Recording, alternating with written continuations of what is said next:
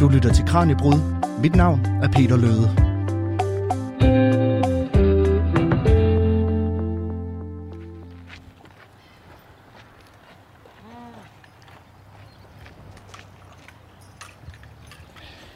Kim, når jeg tænker på pingviner, så tænker jeg jo umiddelbart noget med, med sne og kulde, men det er jo ikke sådan, så jeg ser helt vildt meget is her. Altså, det minder jo mere om en eller anden, ja, en sandstrand med, med sand og, og sten og, og så videre. Altså, hvorfor det? Jamen, øh, det er fordi, det ikke er alle pingviner, der lever, hvor der er koldt. De fleste, øh, de tænker pingviner, det er selvfølgelig is og sne og den slags. Men øh, de pingviner, vi har her i Givsko Zoo, de hedder Humboldt-pingviner.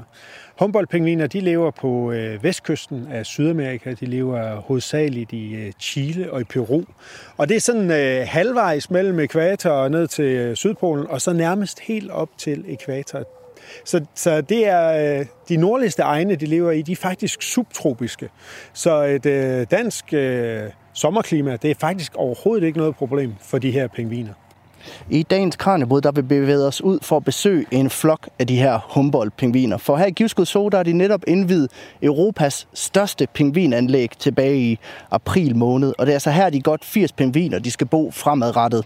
Og selvom der ikke er noget is, så er det altså ren luksus for dem alligevel, for det kan nok bedst sammenlignes med en badestrand, som man kender fra, fra vestkysten. For pingvinerne, de har øh, 900.000 kubikmeter vand at boldre sig på, og så har de over 6.000 kvadratmeter sand og sten og slække sol på, når de bliver lidt varmere, fordi de er jo vant til hjemmefra, kan man sige. Og det er jo altså de her Humboldt-pingviner, som er flyttet ind her i, i anlægget. Kim, hvad er det, der er fascinerende ved lige Humboldt-pingvinen? Jamen det er jo blandt andet det her, at de kan tolerere et uh, lidt anderledes klima end de fleste andre pingviner. Det er sådan en uh, mellemstor pingvin. Uh, de lever i store kolonier, uh, og, og, og derfor så gør de dem til en rigtig uh, god øh, soart, fordi øh, vi kan altså have en rigtig, rigtig stor flok her og vise frem i vores øh, kæmpe store anlæg. Og vores oplevelse indtil videre, det er, at folk synes, at det her det er altså en meget, meget sjov fugl. For de flyver jo ikke, men øh, til gengæld så er de fantastisk gode til at svømme, og det, det kan man også se i, øh, i anlægget her, hvor vi kan gå en tur ned under vandet og, og kigge på dem. Ja, for man kan jo se, at de, de slynger sig ude i vandet og giver den virkelig gas. Hvor gode er de til at svømme? Jamen, de er, de er fantastisk dygtige svømmere. De er, de er en af top-rovdyrene øh, i deres øh, område. De lever udelukkende af, af fisk, som de fanger i vandet. Og de er, de er visuelle jægere, så, så de finder et bytte, dykker ned under det, og så tager de det på vej op med, med deres øh, strømlignede krop, deres øh, vinger, som minder mere om luffer. Øh, og så kan de altså nå at skyde en, en fantastisk god fart i vandet. En af de ting, som, som jeg håber, vi kommer til at, eller du kommer til at se, mens vi er her, det er, at de, de har flere forskellige måder at svømme på, og en af dem, det er faktisk, at de laver nogle delfinspring, hvor de trækker hele deres krop fri af vandet. Og jeg ved ikke, om du har prøvet at være i svømmehallen og prøve at trække hele din krop fri af vandet. Det, det har vi mennesker enormt svært ved, men øh, ingen problem for pingvinerne. Og netop de her specielle pingviner, dem kan du altså lære meget bedre at kende i dagens Kranjebrud. Her kommer vi helt tæt på de truede dyr og forsøger at forstå både deres levevis og hvordan vi kan gøre livet nemmere for de pingviner, der lever i naturen. Velkommen til Kranjebrud. Du lytter til Radio 4. Ja, det plasker og siger sådan en, en lille rappende lyd i dag. I Kranjebrud, der handler det om Humboldt-pingviner. Og øh, det gør det, fordi at Kranjebrud holder sommerferie, og derfor stiller vi denne uge skarpt ind på nogle af de dyr, som du kan møde i de zoologiske haver rundt om i landet. Og i dag, der er det altså Humboldt-pingvinen her i Givskud Zoo. Og det er dig, Kim Skalbo Skalborg Simonsen, der skal føre os ind i pingvinernes verden i dag. Du er biolog og kurator her i parken, og vi skal altså forsøge at komme helt tæt på pingvinerne, eller i hvert fald så tæt på, som det kan lade sig gøre. Vi har aftalt, at vi skal fodre pingvinerne, men der er lidt tvivl om, hvorvidt de vil acceptere mig og min mikrofon. Altså, er det et genert dyr generelt set? Øh, ja, det er det. Øh, på den måde, at øh, de kan godt blive øh, forstyrret, hvis ting er, som, de, som det ikke plejer at være. Øh, så så der, hvor de yngler for eksempel, er de ikke ret glade for, at mennesker de kommer forbi, fordi de ikke er vant til det. Men du kan se, at vi står nu øh, lige et par meter over dem og kigger ned på dem, og det har de overhovedet ikke nogen problemer med. Og øh, øh, når vi kigger ned øh, ind i anlægget til dem, tror jeg også, de tager det stille og roligt. Men, men det her med, når der er noget, der er helt nyt og helt anderledes, og det gælder for eksempel øh, din store, flotte mikrofon her, det kan godt være, at det lige kræver lidt tilvænding, og det er ikke sikkert, at vi lige har tid til i dag. Så nu må vi se, hvordan det kommer til at gå. Men det er også noget med, at de jo ikke boet så længe i det her nye anlæg. Hvor lang tid har de boet her, sådan cirka? Jamen, de flyttede ind i øh, marts måned. Vi ville egentlig have åbnet vores anlæg sidste år, men øh, som så mange andre ting, så gik der corona i det. Øh, og vi kunne øh, ikke øh, få håndværkere, vi kunne ikke få øh, materialer og så videre. Så derfor så nåede det ikke at blive klar til sidste sommer, som ellers var planen. Så derfor så øh, øh, ventede vi så nu her til øh, vores åbning her til påske. Og øh, i marts måned, der flyttede vi altså øh, vores pingviner ind i anlægget her, plus suppleret med nogle flere pingviner fra andre forskellige zoologiske haver, så vi nu har godt 70 her i anlægget. Øhm, og der kræver stadigvæk lige en lille smule øh, tilvænding for pingvinerne. De har et kæmpestort anlæg på 6.000 kvadratmeter, og indtil videre så bruger de måske cirka en tredjedel. De bruger søen, øh, og så bruger de meget, meget lidt af deres øh, landareal, og det øh, forventer vi, at øh, det skal de nok lige så stille få, øh, få udnyttet det hele, men øh, det kræver altså lige lidt tilvælling. Og så længe de føler sig trygge og sikre der, hvor de er, så er det sådan set også fint for os, at de er der. Øh, men på sigt vil vi gerne have dem op i den fjerne del af anlægget, fordi der har vi lavet et stort, fint yngleområde til dem. Men øh, det er meget unge fugle, vi har, så måske er de ikke lige helt klar til den del af deres liv endnu. Hvor er det, I har fået dem fra? Jamen, de kommer fra forskellige zoologiske haver, både i Danmark, øh, Tyskland og Holland også. Det her det er en øh, ret normal øh, fugl i zoologiske haver. Øh, der er omkring 2.000 Humboldt-pingviner i øh, zoologiske haver i Europa. Så øh, det her med at få fat i øh, et antal, det var faktisk øh, nogenlunde til at, at klare, fordi der er så mange steder, hvor de har dem. Men de ligner jo hinanden ret meget, talte vi om øh, øh, forud for, for den her udsendelse. Og det har skabt lidt problemer for jer med at kende forskel. Øh, og så har I fundet på en lidt alternativ løsning. Kan du ikke fortælle om det? Jo, altså nogle øh, zoologiske haver, de kender forskel på deres pingviner ved, at de har nogle pletter på brystet. Og det er måske nemt nok, hvis man har 5 eller 10. Men når nu vi har godt 70, så er det nærmest umuligt at holde styr på, hvem der er hvem med den metode. Så derfor har vi indført nogle øh, armbånd, som, øh, som sidder på øh, fuglenes øh, vinger. Og armbåndet, det er sådan nogle helt almindelige perler, som man laver øh, perleplader af. Øh, og der har vi så 10 forskellige farver, og hver farve er så et nummer. Så øh, for eksempel øh, så er grøn nummer 1, og gul er nummer 3, så hvis man har grøn-gul, så har man nummer 13. Og så kan vi så øh, kende forskel på, hvem der er hvem. Og det er ikke sådan, dyrpasserne behøver at vide, hvem der er hvem i detaljer. Men hvis vi for eksempel får øh, et par, som øh, ligger nogle æg og får nogle unger, så vil vi gerne vide, hvem forældrene er, og så, så kender vi, øh, det, hvem der er hvem på, på armbåndene her. Og hvis man kan høre, det plasker lidt, så det er altså fordi, de her pingviner, de, øh, de laver de her delfinspring, vi talte om lige før. Det ser jo en, enormt elegant ud. Hvad er det, der adskiller Humboldt-pingvinen fra, fra andre pingviner? Vi har været lidt inde på, hvor det er, de lever henne, men det er jo også noget med, at de truede af nogle andre ting. Ja, altså det hænger lidt sammen med der, hvor, hvor de lever. Øhm, fordi øh, på, på den øh, sydamerikanske vestkyst, der lever der rigtig, rigtig mange fugle. Der lever skarver, pelikaner, suler, pingviner. Øh, og grunden til, at alle de her dyr, de lever lige præcis her, det er, at der er rigtig, rigtig meget mad. Og grunden til det, det er, at øh, der er en havstrøm, som hedder Humboldtstrømmen. Det er den, som de er opkaldt efter. Øh, den, den dukker op med rigtig, rigtig næringsrigt vand øh, ude langs øh, Sydamerikas vestkyst. Alle de her fugle, der holder til her og spiser i det her kæmpe ædegilde, de skider er også alle sammen på det samme sted. Og det er et meget tørt område, så det her fuglelort, det bliver bare øh, opmagasineret i kæmpe, kæmpe øh, lag. Faktisk nogle steder er det flere meter tykt lag af fuglelort. Og det er det, som der også bliver kaldt guano. Øh, guano, det har man fundet ud af, det er fantastisk gødning.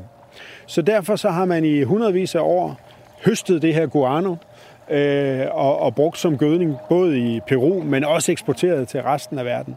Og der har man altså forstyrret pingvinerne rigtig, rigtig meget, for de graver gerne øh, deres øh, ynglehuler i det her guano. Øh, så, så det er klart, at øh, der, hvor man gerne vil have fat i det, det er der, hvor pingvinerne de også øh, har deres øh, æg og unger, og så bliver de virkelig forstyrret. Så derfor så har de været rigtig, rigtig truet, især historisk, på grund af den her guano-høst. Nu siger du, at de bygger deres reder og deres, deres huler i det her guano. Hvordan har I forsøgt at genskabe det her i, øh, i anlægget? Jamen, det, der lige er lidt et problem for pingviner her i, på vores breddegrader, det er, at der er ikke helt så tørt for dem, som der er i, øh, i øh, Sydamerika.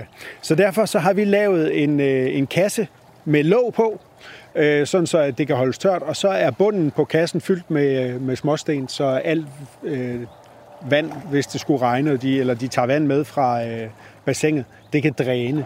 Så derfor er det meget vigtigt, at de har de her øh, kasser, hvor der er udluftning og, og mulighed for at dræne. Og så er der en anden øh, detalje ved anlægget her, det er, øh, at redkasserne er meget langt væk fra vandet. Og det kan selvfølgelig godt være, det er derfor, de ikke er nået derop endnu. Men det er helt bevidst, og det gælder simpelthen øh, om at prøve at få pingvinerne til at blive så tørre som muligt inden de når op til deres øh, kasser, netop fordi klimaet ikke er så tørt, som det er i Peru for eksempel. Men hvor, nu, nu er der sand, og der er sten, og der er vand. Altså, hvor meget matcher det her nye anlæg, der hvor pingvinerne bor i, i Centralamerika? Altså bortset fra, at de ikke skal kravle op af en 50 øh, meter stejl skrant for at nå op til deres redde områder, så matcher det sådan set øh, ret godt. Øh, noget af det, som er vigtigt for pingvinerne, det er at have et varieret underlag for deres fødder.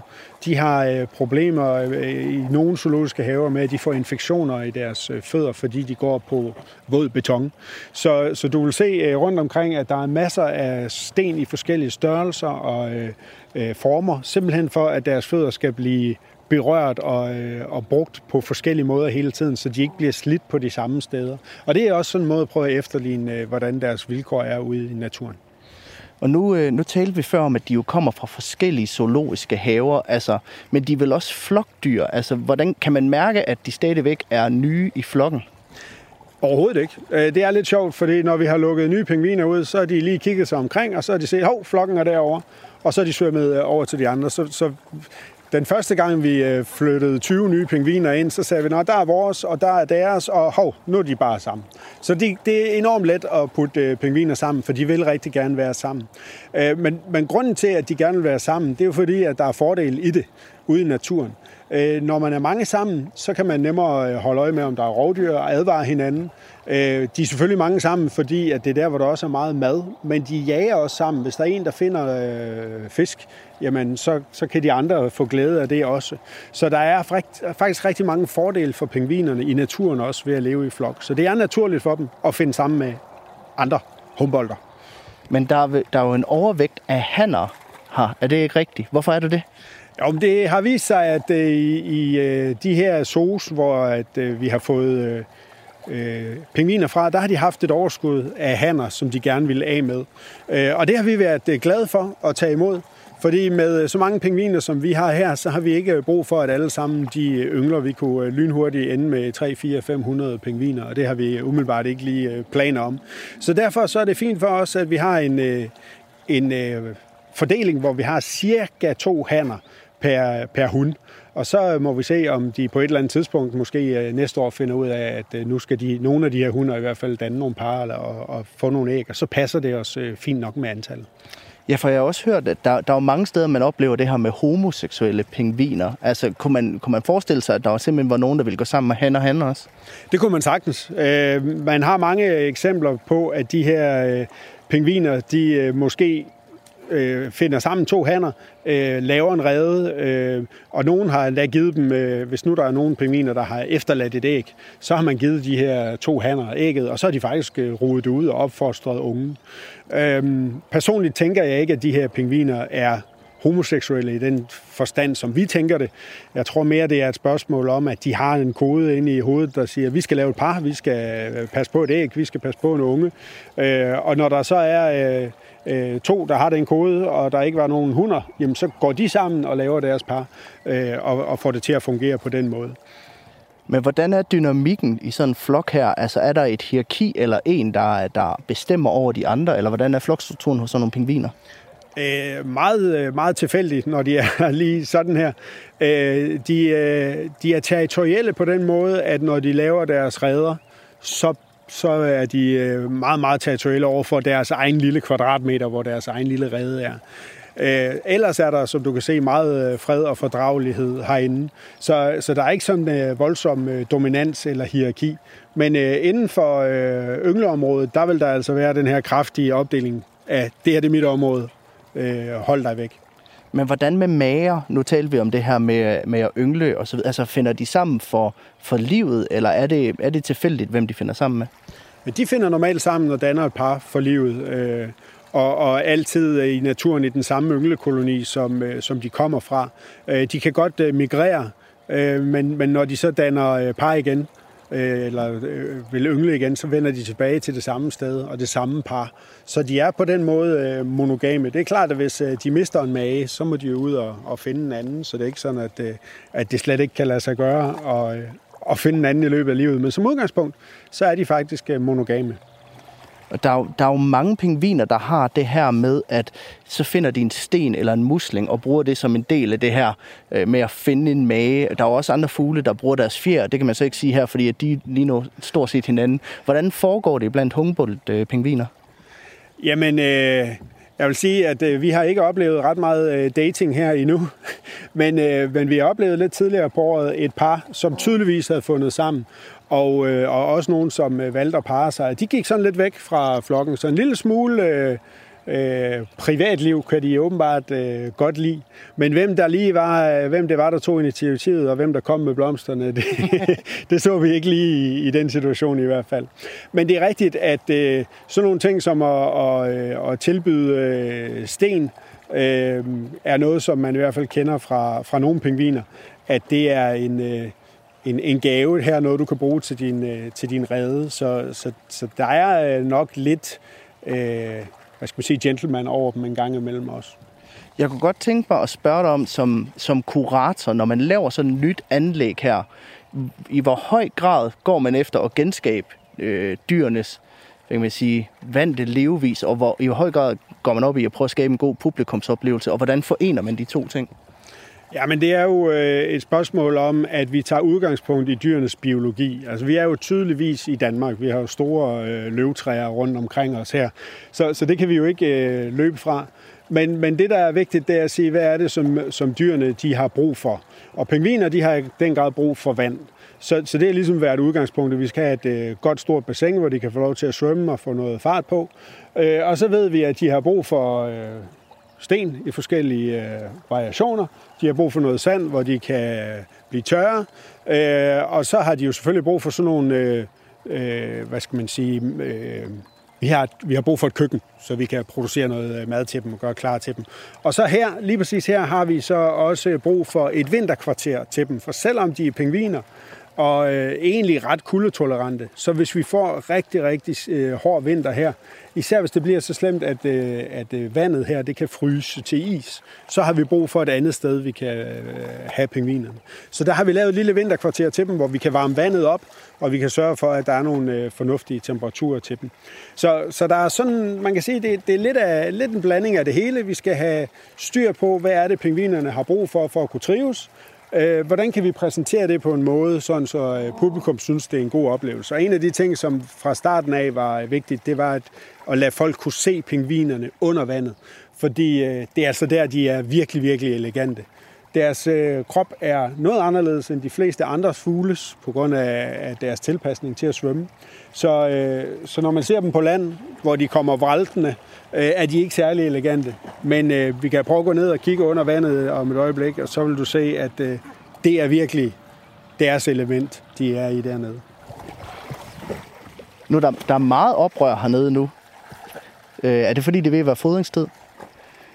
Nej, jeg tror, det er øh, lidt tilfældigt. De bevæger sig sådan lidt tilfældigt rundt her i øh, vandet. Nu er de alle sammen lige endt i en klump her, samtidig med, at der var nogen, der synes, at øh, de skulle lave delfinspring ind i hele gruppen. Det giver selvfølgelig en, øh, en lille smule uro. Men, øh, men øh, nu har vi selvfølgelig fundet øh, spanden med fisk frem, så det kunne godt være, at de synes, det var lidt spændende. Da vi lige øh, for et øjeblik siden kørte øh, øh, udstyret frem, der, der var der i hvert fald stor aktivitet, så måske har de en forventning om, at der skal ske et eller andet. Og nu er det jo, nu er det jo fisk, vi skal fodre dem her om, her om lidt. Hvad spiser de i naturen?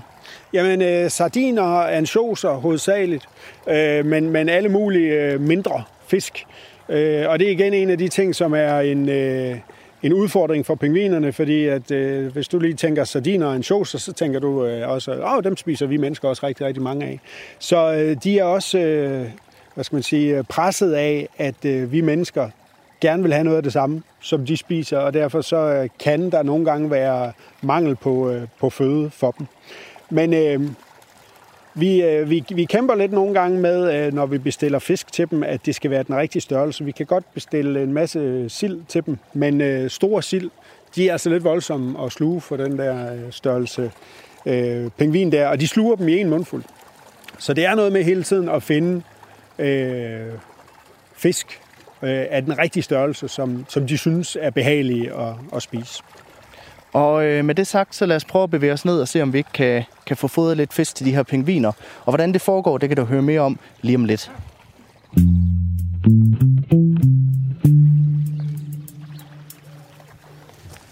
I dagens Kranjebrud, der er vi taget på pingvinsafari i Givskud Zoo, og det er vi i selskab med Kim Skalborg Simonsen, der er biolog og kurator her i parken.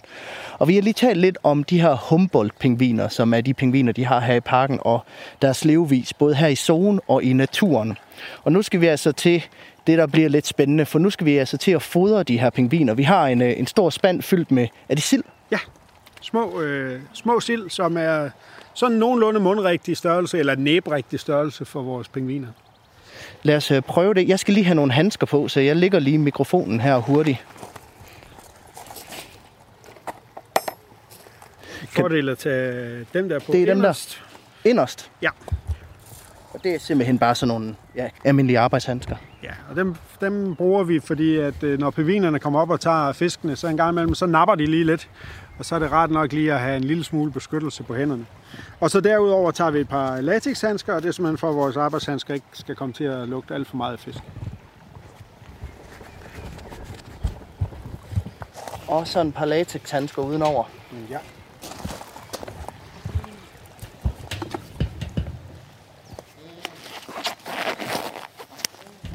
Og så er vi klar. Så er vi klar. Og du har øh, spanden under armen og to skamler og en lille klokke med. Så kan vi lige sætte os heroppe i, øh, i vandkanten. Er der noget, jeg skal være opmærksom på, når vi øh, kommer hen til dem? Nå, nu kommer de sæt på. Ja. Nej, du skal sådan set bare sørge for at få øh, fordelt øh, så mange sild som muligt, fordi at det er ikke sikkert, at vi får så lang tid. Nu må vi prøve at se. Nu sætter vi lige øh, skamlerne her, så skal du lige prøve at sætte dig sådan, så den ikke lige vælter, fordi vi sidder i det her... Øh, Det er en meget lille skammel, men øh, få den til at balancere på stenen her. yes. Så prøver vi lige at ringe en gang. Og det øh, indikerer simpelthen bare for pingvinerne, at øh, nu er der fodringstid. og så kaster den bare til dem. Jeg kan komme op og tage den. Og du kan se, de farer lynhurtigt ud i vandet igen, fordi de kender ikke, øh, de kender ikke dig, og de kender ikke øh, mikrofonen. Øhm, men de er nysgerrige. Kommer op her. Haps. Og nu kan du se her, når de kommer tæt på, så kan du også nemt se de her armbånd, som de har på. Øh, og du kan for eksempel se, at øh, nogle af dem har på øh, højre, og nogle af dem har på venstre. Og dem, som har på øh, venstre, det er hannerne. Så, så på den måde kan du se, hvad, hvad køn de har. Grunden til, at øh, vi har det sådan, det er sådan set, øh, fordi vi har en, øh, en kontakt i, øh, i Tyskland, hvor vi fik nogle af pingvinerne fra, som brugte et system ligesom det her. Og hendes øh, forklaring var, husk nu, det er nemmest at have øh, hundernes armbånd på øh, højre, fordi females are always right, som hun sagde. Og så vidste vi jo godt, at så var der ikke noget at gøre, så måtte vi gøre sådan også. Jeg synes ikke, du kommer af med så mange fisk. Nej, jeg synes, de, de, er, de er lidt øh, generte, men det kan jeg også godt. Jeg sidder også med sådan, det kan man ikke se som lytter, men jeg sidder med en ordentlig, det der hedder en boom mic. En, ja, det ligner sådan et stort luftskib med pels på. Så det kan være, at de er lidt, øh, lidt skræmt af den. Men bare kom. Ja, ja. Du må godt få den. Nej, den gider du ikke have. Og den vil du godt tage. Jeg kan godt se, at det er, øh, det er noget af en mundfuld en gang imellem at tage sådan en, øh, en sild her for dem, men øh, det går altså ret godt. Ja, man, man kan godt se, at de, øh, de sluger den lige i en, men det, men det er en, det, altså, den er jo lige så stor som deres, den er større end deres hoved, kan man sige. Ja, så det er øh, lidt en udfordring. Og vi vil rigtig gerne have, at de kommer herop til os, når vi fodrer dem. Øh, og de bliver fodret flere gange i løbet af dagen, så hvis de ikke alle sammen lige kommer op og får noget at spise nu, så er det, så er det okay. Det her det er sådan lige en lille ekstra fodring, vi har lavet, fordi du er her. Men øh, vi kunne godt øh, smide alle øh, fiskene ud i vandet, og det ville de sikkert synes var dejligt. Men øh, så vil vi ikke få den her nærkontakt med dyrene.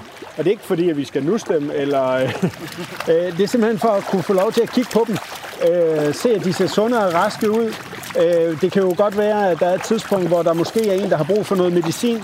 Så kan man lige have en øh, fisk i baghånden med en øh, pille i til, øh, til en med et bestemt armbånd, og så kan vi genkende dem på det. Så derfor vil vi rigtig gerne have den her forbindelse til dem, den her, øh, den her nærkontakt, så de ved, at det er okay at komme herop til os. Hvor, ga- hvor gamle bliver øh, sådan nogen? De bliver ikke mere end en, øh, måske 12-15 år i naturen, men i fangenskab kan de faktisk godt blive op til 30 år, så de kan blive relativt gamle. Du kan tydeligt se her, når de kommer tæt på, at de har sådan et lyserødt område omkring øh, næbet og øjnene. Ja. Og det er øh, noget, der er lidt specielt hos øh, Humboldt-pingvinerne. Og grunden til, at de har det, det er, at de er stadigvæk øh, bygget som pingviner med ekstremt tæt fjerdragt. Men øh, nogle gange så er det altså virkelig, virkelig varmt. Og der kan de komme af med øh, varme fra det her, øh, det her lyserøde område, hvor der altså ikke er fjer. Og nu vi er ved, ved Jamen, det er sjovt, hver gang jeg siger noget, så, øh, så smutter de. Men, øh, men nu er vi i fjerdragter, og det her med temperatur, det er også noget med, at de selv kan styre deres temperatur via fjerdragten. Ja, altså de kan, øh, de kan jo øh, lukke lidt op, kan man sige, øh, ved at... Og, øh, altså det er lidt ligesom, vi får kuldegysning, øh, det, det, og så, så strider vores pels en lille smule. De gør det samme, for deres fjer til at stride og få lidt mere luft ind øh, til, øh, til huden. Øhm, men, men det her luft, de har sådan et luftlag inde under øh, fjerne, og det bruger de især, når de, øh, når de svømmer, fordi det, det virker som isolerende nede i vandet.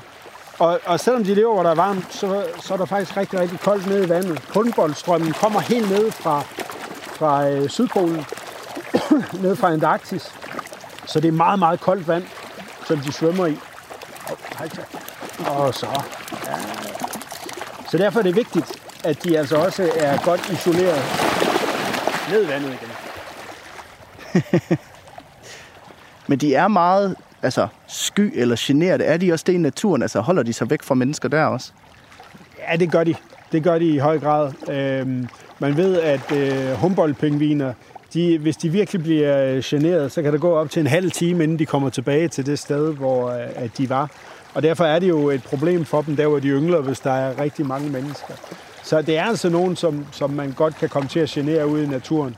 Øh, man har nogle steder, hvor man laver økoturisme, hvor at, øh, turister kan komme ud og se dem, men hvor man tager meget begrænset antal mennesker ud, og hvor man ligesom gradvist vender dem til, at der kommer nogen og kigger, men de kommer ikke øh, rigtig tæt på. Så, øh, så man kan godt vende dem til det, og det er også det, som, som vi arbejder rigtig meget på her. Det er at vende dem til at komme tæt på os. Vende dem til, at når klokken den ringer, så skal de komme op.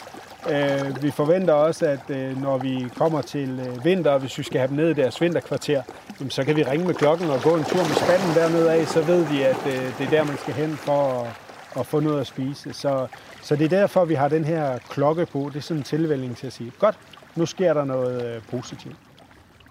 Det kan være, at vi skal bevæge os udenfor igen. Det, de går lidt til og fra og virker til at være sådan lidt... Øh, det er hver gang, jeg laver en bevægelse, så, så løber de tilbage i, øh, i vandet igen, og det er, selvfølgelig, det er selvfølgelig, fordi de ikke kender mig. Så det kan være, at vi skal sige, at det var, det var den fodring, og så øh, bevæge os øh, ind og så kigge på dem under vandet i stedet for. Lad os gøre det. Så må, øh, så må dyrpasserne sørge for øh, resten af fodringen til. Du lytter til Radio 4 så er fodringen slut, og vi har bevæget os ned i, jamen det er sådan en form for tunnel, der ligger under en gangbro inde i det her pingvinanlæg. Og her kan man altså stå og kigge ud på de her Humboldt-pingviner. Og der er mange af dem, de er helt oppe af glasset. Det er som om, at de har fået øje på os, øh, Kim. Ja, det er helt tydeligt. De er, de er meget, meget nysgerrige, og de føler sig trygge, de ved, at øh, der er glas imellem. Så, øh, så når vores gæster går rundt hernede, så oplever de rigtig, rigtig tit, at pingvinerne de kommer og kigger ind til dem og ser, hvad de er for nogen, der er på besøg. Det er selvfølgelig biolog og kurator her i Givskud Zoo, Kim Skalborg Simonsen, som jeg står med her. Jeg vil godt tænke mig at tale lidt om, hvad der truer pingvinerne i naturen øh, lige nu. For det står jo ikke sindssygt godt til med Humboldt-pingvinerne i det vilde. Øh, hvor mange Humboldt-pingviner findes der i naturen lige nu? Ja, men det er, det er sådan lidt, øh, lidt svært tal at, øh, at komme frem til præcis, fordi de lever i de her store kolonier, og antallet går faktisk meget op og ned. Men, men øh, et estimat er omkring øh, 20.000 individer tilbage, og det gør dem til øh, det, som på, på rødlisten hedder sårbar. Så det er faktisk øh, truet, uden at være ekstremt truet. Men de problemer, som de har, det er jo, øh, vi har jo snakket om, øh, om guanohøsten øh, tidligere, det er efterhånden blevet mere og mere reguleret. Men, men industrifiskeri er et kæmpestort problem for dem.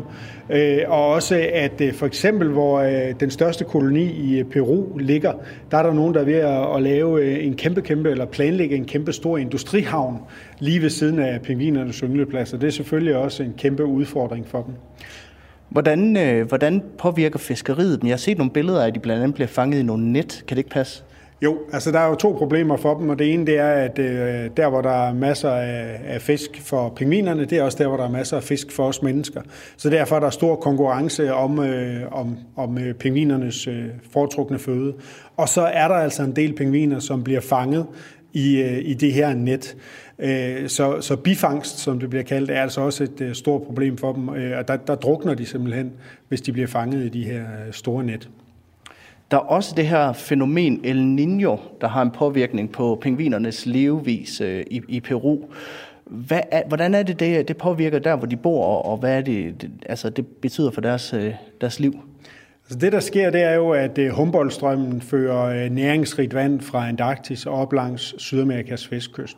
En gang imellem så kommer der det vejrfænomen, som du nævner, som hedder El Niño, og det, som det gør, det er, at det skaber nogle øh, strømninger, som går modsat. Det vil sige, at i stedet for det her kolde, næringsrige vand, så er det lunt vand fra nordfra, der kommer ned, og det er der ikke ret meget øh, mad i. Der er ikke ret meget næring. Øh, og de år, hvor der er en kraftig El Niño, der er der rigtig, rigtig mange pingviner, som, som dør af sult, og især øh, ynglesæsonen bliver ødelagt. Øh, og der har været nogle rigtig slemme El Niñoer, hvor der overhovedet ikke er kommet nogen unger, ud af det. Så El Niño er et øh, stort problem, men det er sådan en naturlig forekommende ting, og, og øh, normalt så nogle år senere, så kommer der så det modsatte fænomen, det der hedder øh, La Niña, hvor at øh, det bliver super godt til gengæld, og så kan populationen blive boostet igen. Det, der bare er lidt af problemet for Humboldt-pingvinerne, det er, at med de klimaforandringer, som er i gang i øjeblikket, så er frekvensen af El Niño altså stigende. Det er i hvert fald den tendens, som, som det tyder på. Så det vil sige, at der kommer flere og flere perioder med fødemangel til øh, pingvinerne på grund af klimaforandringerne. Men der var også det her med guano-høsten, altså hvor man, øh, hvor man simpelthen går ud og høster den her guano, det her fuglelort er det jo i princippet, der ligger på, på de her sten. Hvordan påvirker det pingvinerne, at man går ud og, og fjerner det? Problemet er jo selvfølgelig, at øh, det, det er der, hvor de bygger deres øh, reder eller graver deres øh, huler. Øhm, men når der nu kommer en masse arbejdere ind med skovle og hakker og maskiner, jamen så forstyrrer det pingvinerne øh, helt enormt. Øh, og heldigvis er der nu øh, flere reservater, hvor man ligesom har forbudt det her øh, guanohøst, eller i hvert fald kun tilladt det i de perioder, hvor pingvinerne de ikke yngler. Øh, og det er jo rigtig, rigtig positivt, men det betyder så også nu, at der er faktisk næsten udelukkende af Humboldt-pingviner, der yngler, hvor der er de her reservater, for ellers så bliver de simpelthen alt for forstyrret, og der kommer ikke nogen unger ud af det. Men de lever jo også nogle meget selektive steder generelt set. Hvad er det, der er kendetegnende for de steder, hvor Humboldt-pingvinerne de bor? Jamen det er jo øh, adgang til det her næringsrige vand. Så, så der er nogle bestemte steder langs Sydamerikas vestkyst, hvor det kommer op. Det kommer ned fra dybet, og der hvor der lige pludselig øh, er meget kort fra stranden og ud til det her vand, der kommer op. Det er det øh, ideelle sted for humboldtpingvinerne. Og så skal det selvfølgelig være nogle steder, hvor de kan komme op, øh, og hvor de kan komme til at, at, at bygge deres redder. Der er nogle steder, hvor der er klippeskrænter, hvor de simpelthen ikke kan komme op og, og bygge redderne. Så der er nogle bestemte steder langs kysten og nogle få øer øh, ud fra kysten, hvor at pingvinerne de holder til. Men hvilken vej går det så med udviklingen? Altså nu taler vi om, at de, øh, de er markeret som, som sårbare. Der er de her 20.000 Humboldt-pingviner cirka i det vilde. Men hvad for en vej går det her tal?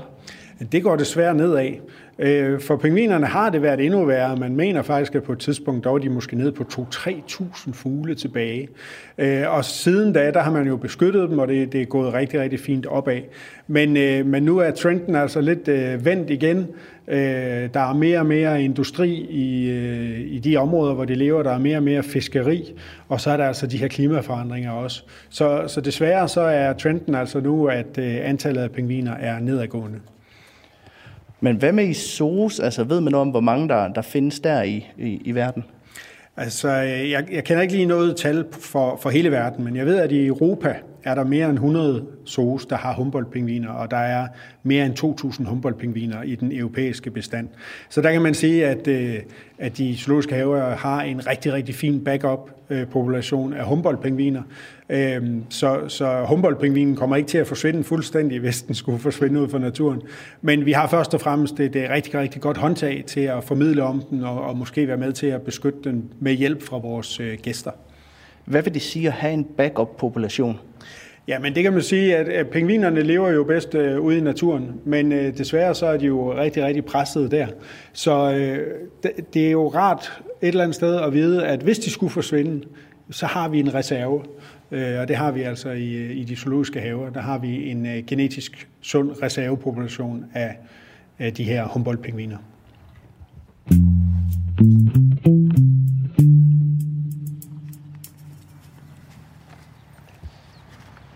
Ja, det er ikke øh, helt nemt at være Humboldt-pingvin. Så meget har vi vist fået slået fast i dagens program af sommerkranjebrud. Og vi har i hvert fald også været forbi noget af det, der truer Humboldt-pingvinerne. Det er sådan noget som guanohøst og fiskeri og generelt mere industri, og, og at de bliver forstyrret i deres øh, leveområder i Centralamerika. Og så er det godt, at I passer godt på dem hos jer, Kim Skalborg Simonsen, biolog og kurator her ved Givskud Zoo, hvor vi altså sender fra i dag. Nu tænker jeg, at vi skal tale lidt om, hvordan I aktivt arbejder for at bevare og sikre den her bestand af Humboldt-pingviner. Og jeg kunne godt tænke mig lige at starte med at tale lidt om det skilt, der er her. Det er jo egentlig en boligannonce, kan man se. Der står Peru, Punta San Juan, unik bolig med fantastisk havudsigt, kontantpris 90 kroner, pris per kvadratmeter 112,5. Det vil vi være glade for i Aarhus. Kan du prøve at fortælle lidt om, hvad, hvad det går ud på? Jo, vi har et samarbejde med øh, det her, den her forskningsinstitution i Peru, øh, som ligger på den halvø, der hedder Punta San Juan. Det er det øh, største øh, yngleområde for øh, pingvinerne i, øh, i Peru. Og her øh, der arbejder man altså hårdt for at, at beskytte de her pingviner. Og en af de ting, som kan hjælpe dem rigtig meget, det var, hvis de havde nogle huler og yngle i. De graver jo deres øh, deres redder i, i, i guanoen, men man ved, at hvis de kan komme til at komme ind i en hule, en klippehule eller under et træ eller et eller andet, så er deres æg og deres unger ikke så udsatte, og det er først og fremmest solen, som kan være rigtig, rigtig hård. Så, så hvis man har et eller andet sted, de kan gå ind, så vil de foretrække at lave deres redde her. Så derfor så laver de i, øh, i Peru sådan nogle øh, betonrør, er det nærmest, hvor, øh, hvor, hvor vi kan lægge dem ud til pingvinerne, og så kan de yngle deri. Og øh, danske kroner kostede de 90 kroner stykket, så det er jo ikke øh, vildt og voldsomt. Så derfor har vi sådan øh, sagt, dem prøver vi at se, om vi kan sælge nogle af for jer. Øh, vi har doneret øh, 5.000 dollars til projektet øh, i første omgang, og så har vi så sagt, jamen lad os prøve at se, om vi ikke vi kan hjælpe med de her oveni. Så øh, der har vi sådan lidt øh, opfordret vores gæster til at købe en øh, pingvinbolig. Den kommer til at ligge lidt langt væk, Men, øh, og jeg er heller ikke sikker på, at man kommer til at bruge den selv. Men øh, som, som der står, øh, så øh, kan man nok godt øh, forvente, at der er lidt nogle øh, larmende naboer, så det er heller ikke sikkert, at man har lyst til at bo der.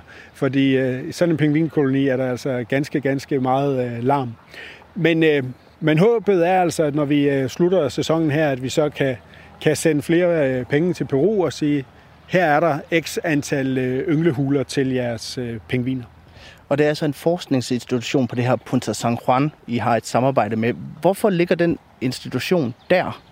Jamen det er sådan en, øh, det er en, en klippehalø, der ligger ude øh, i, i, øh, i havet der på Perus vestkyst.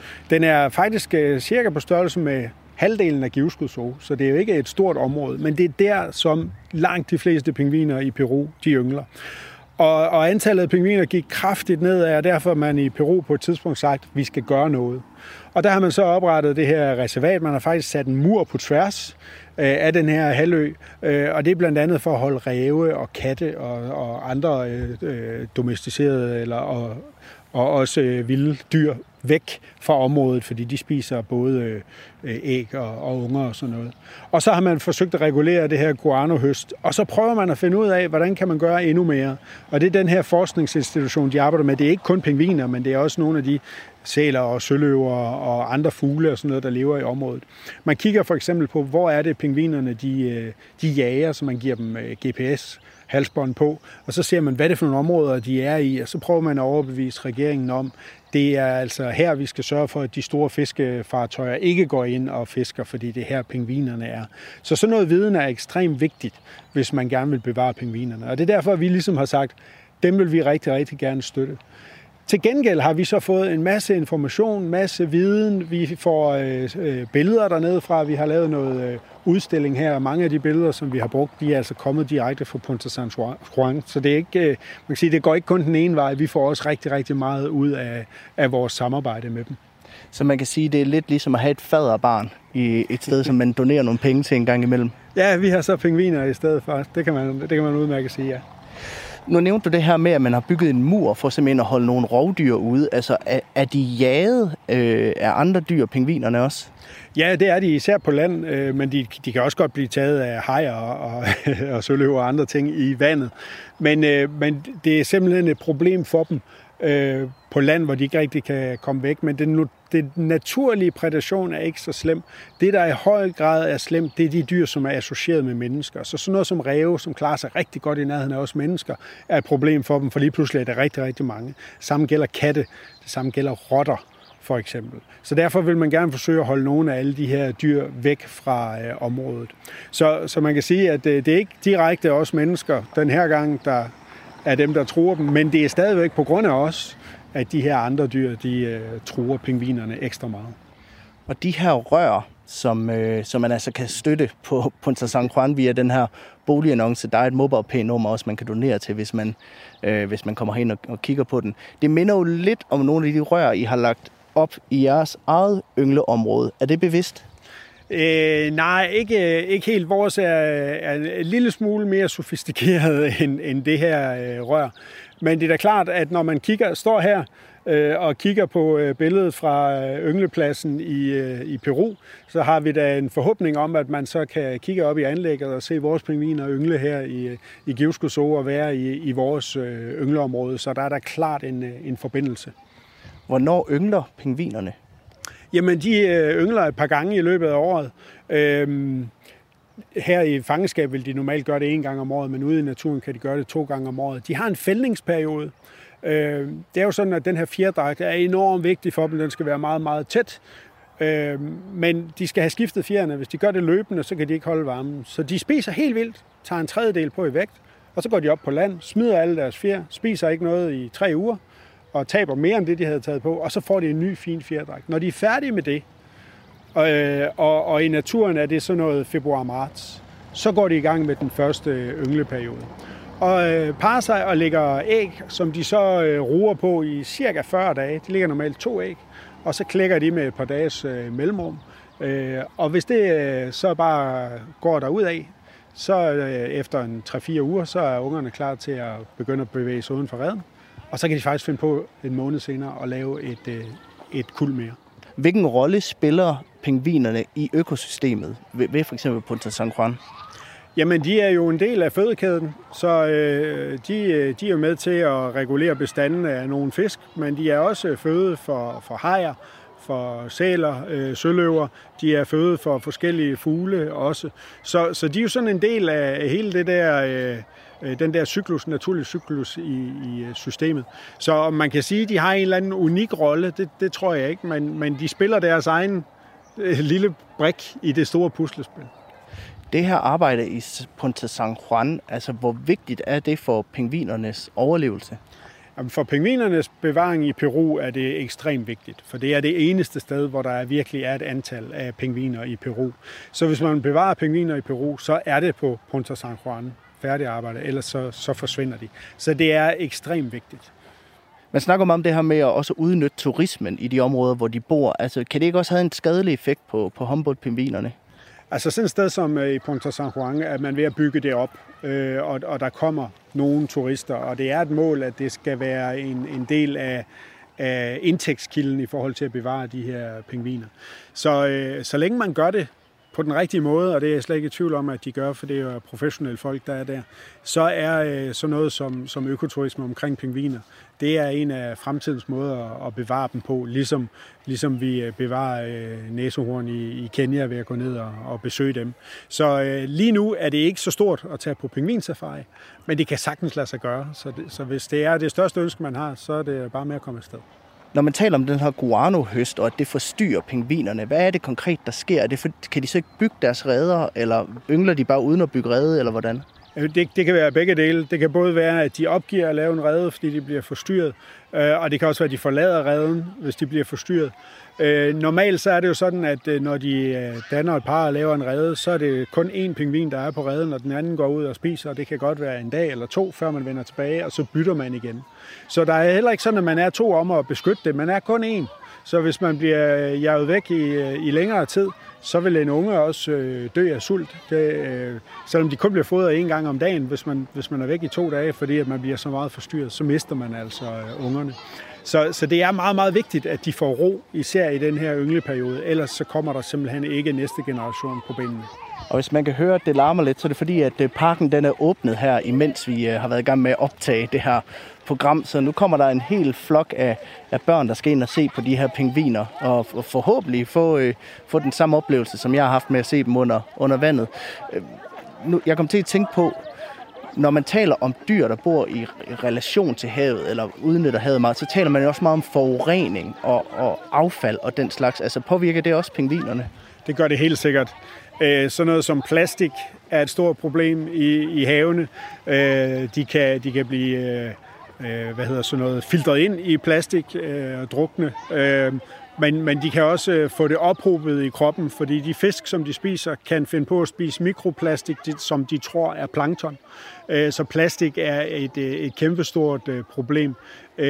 Tungmetaller i vandet, der er, der er nogle steder, hvor man udvinder jern og andre ting i nærheden af kysten der, de bliver også ophobet i pingvinerne, fordi de spiser en masse dyr, hvor der er de her tungmetaller i. Så forurening er også et problem for, for pingvinerne, det er det helt sikkert.